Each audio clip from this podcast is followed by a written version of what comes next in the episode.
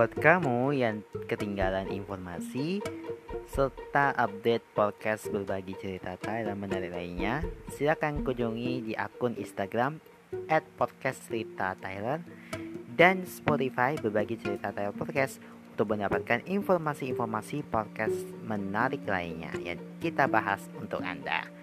Jangan lupa juga untuk selalu follow akun Instagram at mata underscore underscore dan Twitter at Demata Saputra untuk mendapatkan informasi mengenai program-program unggulan lainnya. Selamat mendengarkan. Halo, selamat datang di season 3 podcast berbagi cerita Tyler.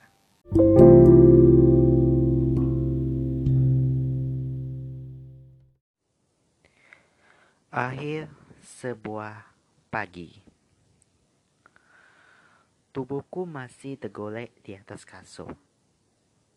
Empuk dengan mata terpejam, seakan tak ingin mengakhiri sisa-sisa malam yang perlahan habis. Ingatku dengan segan memflashback kejadian mengacukan di malam ini. Namun, kurasakan dengan pasti sinar matahari telah mengintip memaksa menerobos masuk melalui celah-celah jendela seakan ingin mengingatkan kalau hari tak lagi malam. Dengkuran harus terdengar dari orang yang lebahan di sampingku. Seulas senyum tersungging di bibirku masih dengan mata terpenjam. Ku gerakan tangan dengan lembut. Jari-jari halusku mulai menyusuri lengkuran wajah di sampingku. Aku menengal lekuan wajah dan menengal setiap bagian dari tubuhnya dengan baik dan bahkan sangat baik. Aku mengenali semua yang merupakan bagian dari dirinya seperti aku mengenali diriku. Kurasakan wajahku bersinar terang seterang matahari yang menyapa alam di luar sana. Dengan perasaan hangat dan lembut, kuriwai rekaman tadi malam yang kusimpan rapat dalam memoriku dan kemudian kuputar lambat-lambat. Di sebuah kamar villa di kawasan Lembang yang sejuk sebuah tempat yang jauh dari keramaian kota Bandung, sebuah tempat yang cukup nyaman untuk melepas semua lelah dengan segala kepenatan, sebuah tempat yang cukup aman untuk melindungi diri dari peliknya problematika hidup dan juga sebuah tempat yang mampu membawa beberapa tahun silam kembali dalam genggamanku. Tadi malam di tempat itu, ketika rembulan dengan malu-malu menampakkan diri, ketika gemitang berkelip tajam tanpa terhalang mendung, ketika malam semakin pekat, ketika suara jangkrik dan bintang binatang lainnya bersahaulah jauh di luar sana. Ketika aneh berhembus lilih Ketika tembok dan seluruh isi di kamar itu dia membisu. Aku dan dia terhanyut larut dalam kerinduan yang makin berkarat. Kerinduan akan keindahan yang selama ini selalu kami inginkan. Kerinduan akan saat-saat seperti itu yang ternyata terjadi bahkan setelah bertahun-tahun perpisahan. Tak ada suara, tak ada kata-kata. Kebisuan kami menambah bisunya ruangan itu. Hanya desahan nafas yang memburu, bertarung dengan gelapnya malam yang kian pekat. Seulas senyum tersinggung di bibirku, jari tanganku semakin lincah menyusuri tubuh yang lebahan di sampingku. Mataku masih terpenjam, tanpa ada keinginan untuk membukanya. Sungguh, malam ini begitu teba berbaik hati kepadaku, sehingga aku bisa bermimpi indah. Aku bisa melewati malam ini dengan baik dan lancar, tanpa harus terbebani dengan berbagai perasaan yang selalu menghinggapi setiap malamku. Merasa jijik dengan bau keringat yang selalu terasa asing, meski telah sering kucium bau itu. Merasa risih mendengar deru nafas penuh birahi. Merasa terganggu jika ada air ludah bercampur dengan air ludahku juga merasa perih dan tertusuk di hatiku sehingga aku harus meneteskan air mata. Sungguh, malam ini begitu mengabjubkan. Ia mampu menghantarkan sebuah keindahan yang kuinginkan dari beribu malamku yang terlengut. Ia mampu mewujudkan mimpi dan kerinduan yang kian berkarat setiap detiknya. Ia mampu mengubah rasa jijik risih, terganggu, dan rasa prihati menjadi sebuah keinginan dan harapan untuk terus bisa merasakan damainya malam ini di malam-malam lainnya. Betapa keinginan itu terus membara, betapa keinginan itu tak pernah padam. Meski tahun-tahun telah aku lewati dengan berbagai dinamika kehidupan.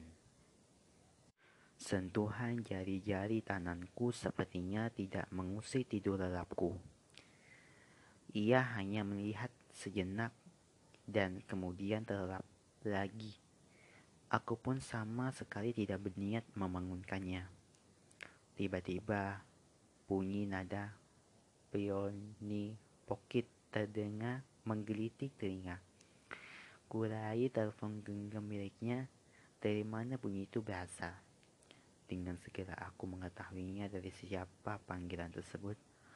Pandanganku berpindah-pindah pada telepon genggam dan para pria yang lebahan di sampingku. Haruskah aku mengumumkannya? Pikirku ragu. Namun bunyi tersebut tak pernah berhenti dan makin lama semakin kencang. Dengan hati-hati akhirnya ia kubangunkan dan kusodorkan benda itu padanya yang ia sambut dengan enggan. Pagi, sapanya dengan suara serak yang langsung mendapat jawaban dari seberang. Iya, papa baru bangun. Seminar kemarin sangat meluas energi sehingga terasa melelahkan. Apa?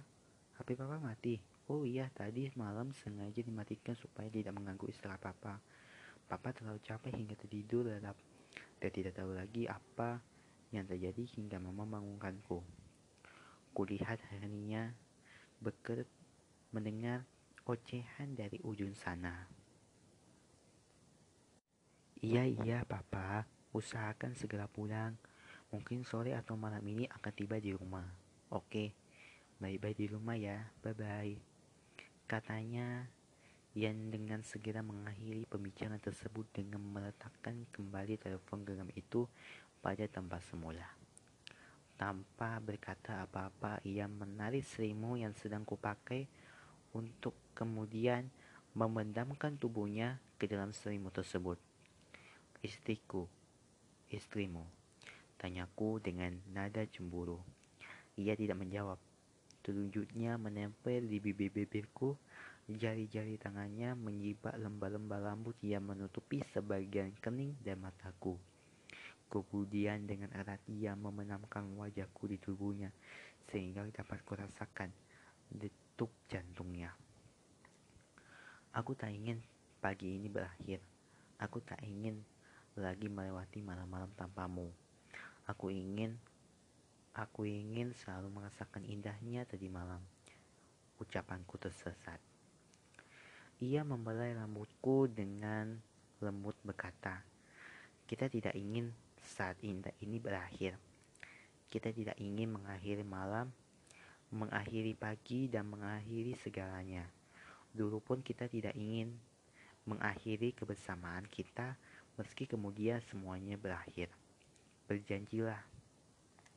Berjanjilah bahwa akan selalu ada hai hari lain, malam lain, dan kita akan selalu saling memiliki. Ia melepaskan balukannya dan terlentang dengan mata lulus mengatap langit-langit kamar. Dijadikanlah kedua tangan itu sebagai bantal. Desahan nafas panjang terdengar darinya.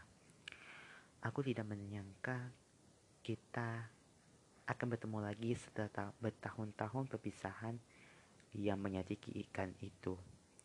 Dan di sinilah kita sekarang, di sebuah tempat yang dulu selalu kita idam-idamkan. Apakah aku bermimpi? Desisnya. Tidak, Kau tidak bermimpi. Kita tidak sedang bermimpi. Kita sedang berusaha mewujudkan impian dan harapan kita dan aku yakin kita akan bisa melakukannya bersama-sama. Seperti apa yang kita inginkan dulu. Ujarku penuh semangat. Ia terdiam. Aku tahu kau terluka. Aku pun begitu. Kita sama-sama terluka, hanya saja aku tidak bisa mencucurkan dan bersimbah air mata sepertimu. Katanya tercekat. Aku tak pernah berhenti mencintaimu. Tapi ingatlah, kita masing-masing telah mempunyai keluarga dan tidak bisa meninggalkan mereka. Kau, kau tidak tahu betapa menderitanya aku melalui malam-malam jijikan, mencium bau keringat orang yang tidak aku sukai, memperhatikannya, dan melahirkan anak untuknya. Kenapa aku tidak melahirkan anak untukmu? Kenapa? Semua itu begitu menyedihkan. Kataku, di segalanya Isa tangis. Ia mengejapkan mata, wajahnya menyinari kesakitan. Bibirnya bergetar. Perlahan dari sudut matanya, kulihat butiran bening yang kemudian membasahi bulu-bulu matanya. Aku tebang, aku tertegun. Betapa ia pun merasakan sakit yang sama sepertiku. Begitulah akhir pagi pun berakhir. Berlalu dalam kepedihan, keindahan sekejap di malam itu tak mungkin lagi aku miliki. Dengan tegar maupun hampa, kubuka golden kamar, kubuka jendela, kubiarkan matahari merobos langsung menepa kulikut dan sepertinya bukan hanya matahari yang akan menepakku, tapi akulah yang akan menyongsong dan menyantangnya dengan segala ketegaran yang kumiliki. Ku tatap hari dengan penuh kehampaan, ku biarkan rasa di hatiku hancur berkeping-keping hingga aku berharap tidak akan ada lagi rasa dalam diriku. Biarlah rasa ini mati biarlah gurita selalu menyemburi hidupku. Karena bagiku, bersinar atau tidaknya matahari tak berarti banyak. Kapan sebenarnya berakhir mah? Coba bulannya, ya kangen. Rengek suara dalam telepon genggamanku. Aku terkentun, mataku menatap tajam, membelah matahari yang kian menerah. Aku memang cantik. Perkenalkan, namaku cantik. Orang tua menamakanku begitu karena mereka menginginkanku menjadi anak yang cantik. Dan muncul, aku memang tubuh menjadi wanita yang cantik. Aku memang cantik. Semua orang yang mengaku mengakui hal itu. Wajahku oval dengan hidung mancung dan mata yang indah. Bibirku merah segar meski tanpa memoles. Kulitku putih halus dan akan nampak kemerah-merahan jika panas matahari menyengat. Rasanya buah rahum yang siap ke laki ingin memetiknya, kata Om Nario, salah satu fansku.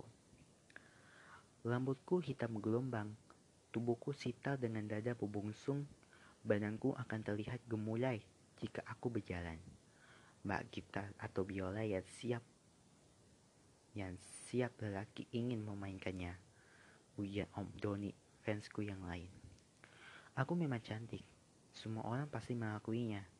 Jika ada yang tidak setuju dengan pendapat itu, maka orang itu biasanya iri dengan kecantikanku. Para lelaki hidung belang sangat memujaku. Mereka selalu memimpikanku untuk mereka memiliki. Mereka selalu mendekati dan berharap dan menikmati tubuhku, membelai kulit putihku, dan merasakan segarnya bibir merahku. Tapi banyak sekali wanita yang membenciku. Mereka tidak suka jika para suami atau ayah mereka mendekatiku. Suatu hari di rumah Pak Nata. Pantas saja beberapa hari ini nggak pulang. Rupanya neboking perempuan jalan itu lagi ya, kata Bu Dia, istri Pak Nata. Sabar Bu, sabar. Mana ada aku pergi main perempuan. Aku kan mencari uang untuk kamu nih. Yo Pak Nata dengan tenang. Disodongkannya beberapa lembar uang 50 ribuan pada istrinya. Masih dengan cemburut, Ibu Ria memang menerima uang itu. Ya sudah, mandi dulu sana. Ayah hangat sudah siap. Suara Bu Ria melunak, tidak lagi sewot seperti sebelumnya. Untung tidak ketahuan. Batin Panyata sambil mengusap dada. Diingatnya lagi tadi malam saat ia menyalipkan beberapa lembar ratusan ibu pada belahan dada si cantik. Aku memang cantik. Aku tak bosan mengenalkan hal itu karena aku memang cantik. Banyak lelaki bertekuk lutut karena kecantikanku, tapi sebenarnya modalku bukan hanya kecantikan wajah. Ada rahasia-rahasia lain yang kumiliki untuk membuat kaum Adam tak berdaya. Ingin tahu rahasianya? Ini antara kita saja. Orang lain tak usah tahu. Pertama, aku selalu bertutur kata halus dan lembut agar meraih simpati semua orang, terutama para pria. Malahan terkadang aku pun mengenakan kerudung gaul dan baju panjang, bukan untuk menutupi aurat, melainkan untuk menutupi profesiku sebenarnya. Kedua, Aku selalu memperlakukan lelaki sesuai dengan yang mereka inginkan. Aku tahu pasti di mana letak kelemahan mereka dan aku pun punya cara agar mereka bisa berpaling daripada isinya. Dan yang ketiga, ini yang paling rahasia. Sebenarnya aku menggunakan sedikit pelet, susu dan yami-yami dari Mak Dukun kepercayaanku supaya profesiku ini laku keras. Di rumah Pak Rian. Prang! Suara piring pecah membuka suasana pagi. Wajah pria itu terlihat merah dan membesi. Piring yang barusan dilemparkannya pecah berkeping-keping. Aku tidak suka setiap kali kamu mendukung berbuat surong. Teriaknya. Bu Roni istrinya terdiam dengan linangan air mata di pipi. Piring pecah dan sedikit tamparan dari sang suami cukup membuatnya ketakutan setengah mati. Tapi aku melihat sendiri kamu pergi dengan perempuan itu. Ujar Bu Doni isak-isak tangis. Dengar, aku pergi dengannya hanya untuk urusan bisnis. Kamu dengar? Hanya untuk urusan bisnis. Tak lebih dari itu. Dasar perempuan tidak tahu diuntung. Ujarnya garang. Dibantingnya pintunya dan kemudian ia pun pergi. Bayangan si cantik menari-nari di peluk buk matanya. Ingin sekali hatinya untuk segera memeluk boneka itu. Aku memang cantik. Aku tidak takut dengan ketuaan yang menggerokotiku karena aku telah memakai susuk dari Mbak Dukun. Aku pun tidak takut dengan kemarahan suamiku jika ia tahu keberadaanku dengan lelaki lain. Malahan ia sangat mendukung profesiku karena tak terlalu capek-capek cari duit. Anak-anakku pun yang juga sama cantiknya sepertiku mendukung pekerjaanku. Dan pada mereka yang aku sendiri tidak tahu lelaki mana yang menjadi bapak mereka. Ku ajarkan bagaimana cara menekuni bidang ini. Siapa tahu mereka tertarik dengan apa yang kulakukan karena mereka pun tahu bahwa profesi ini sangat menjanjikan. Mungkin ada sebagian yang heran kenapa keluargaku begitu kompak. Jawabannya adalah karena aku selalu menggunakan mantra penakluk dari Mbak Dukun kesayanganku.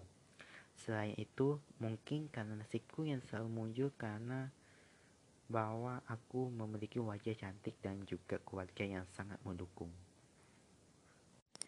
Di penghujung malam yang dingin, Bu Dina masih bersimpu pada sejadahnya. Mulutnya komat kami dengan kedua tangan terangkat. Butiran air mata membasahi kelopak dan bulu-bulu matanya. Ya Allah, sadarkanlah suamiku dari apa yang selama ini diperbuatnya. Yang ia lakukan telah lebih dari sekedar menyakiti hamba sebagai istrinya, tetapi juga telah keluar dari jalanmu yang selalu berzina dengan perempuan lajang. Kehidupan kami ini pun hancur setelah ia sering pergi pada perempuan itu. Hati ini terasa sangat sakit dan hamba yakin bahwa banyak wanita-wanita lain yang merasa sakit karena perselingkuhan suaminya. Karena itu, sadarkanlah mereka suami hamba dan juga perempuan itu. Jika tidak, maka hamba serahkan semuanya padamu yang maha mengetahui dan menguasai. Ku tekakatkan sekali lagi aku memang cantik. Aku tak bosan dan tak akan pernah bosan mengatakan kalimat itu. Seperti halnya Om Diki yang tak pernah bosan merayuku untuk menjadikan istri kesekiannya. Tapi aku tidak mau sedikit pun untuk menjadi istri dan para penggemarku. Yang kuinginkan hanya dari mereka hanyalah uang. Tak lebih dari itu, masih kuingat kata-kata dari Wan Om beristri tujuh beranak sembilan ini. Kamu begitu hebat, permainanmu lincah dan menggemaskan. Akan kuberikan semua yang kamu minta jika kamu bersedia menjadi istriku. Ujarnya. Tapi segala rayuan yang ia lontarkan bahwa aku cantik, bahwa aku hebat, tak akan mempan bagiku. Aku tak perlu rayuan itu. Aku tak butuh kegembalaanmu itu. Aku sudah merasa cukup puas jika berhasil membuat para pria bertukuk lutut dan para wanita merasa sakit hati dan mengecamku. Ada kepuasan tersendiri jika aku melakukan hal itu. Dan selain itu, tentu karena uang, jika uang tersedia, maka si cantik dengan segalanya kehebatannya menjadi milikmu. Tak percaya.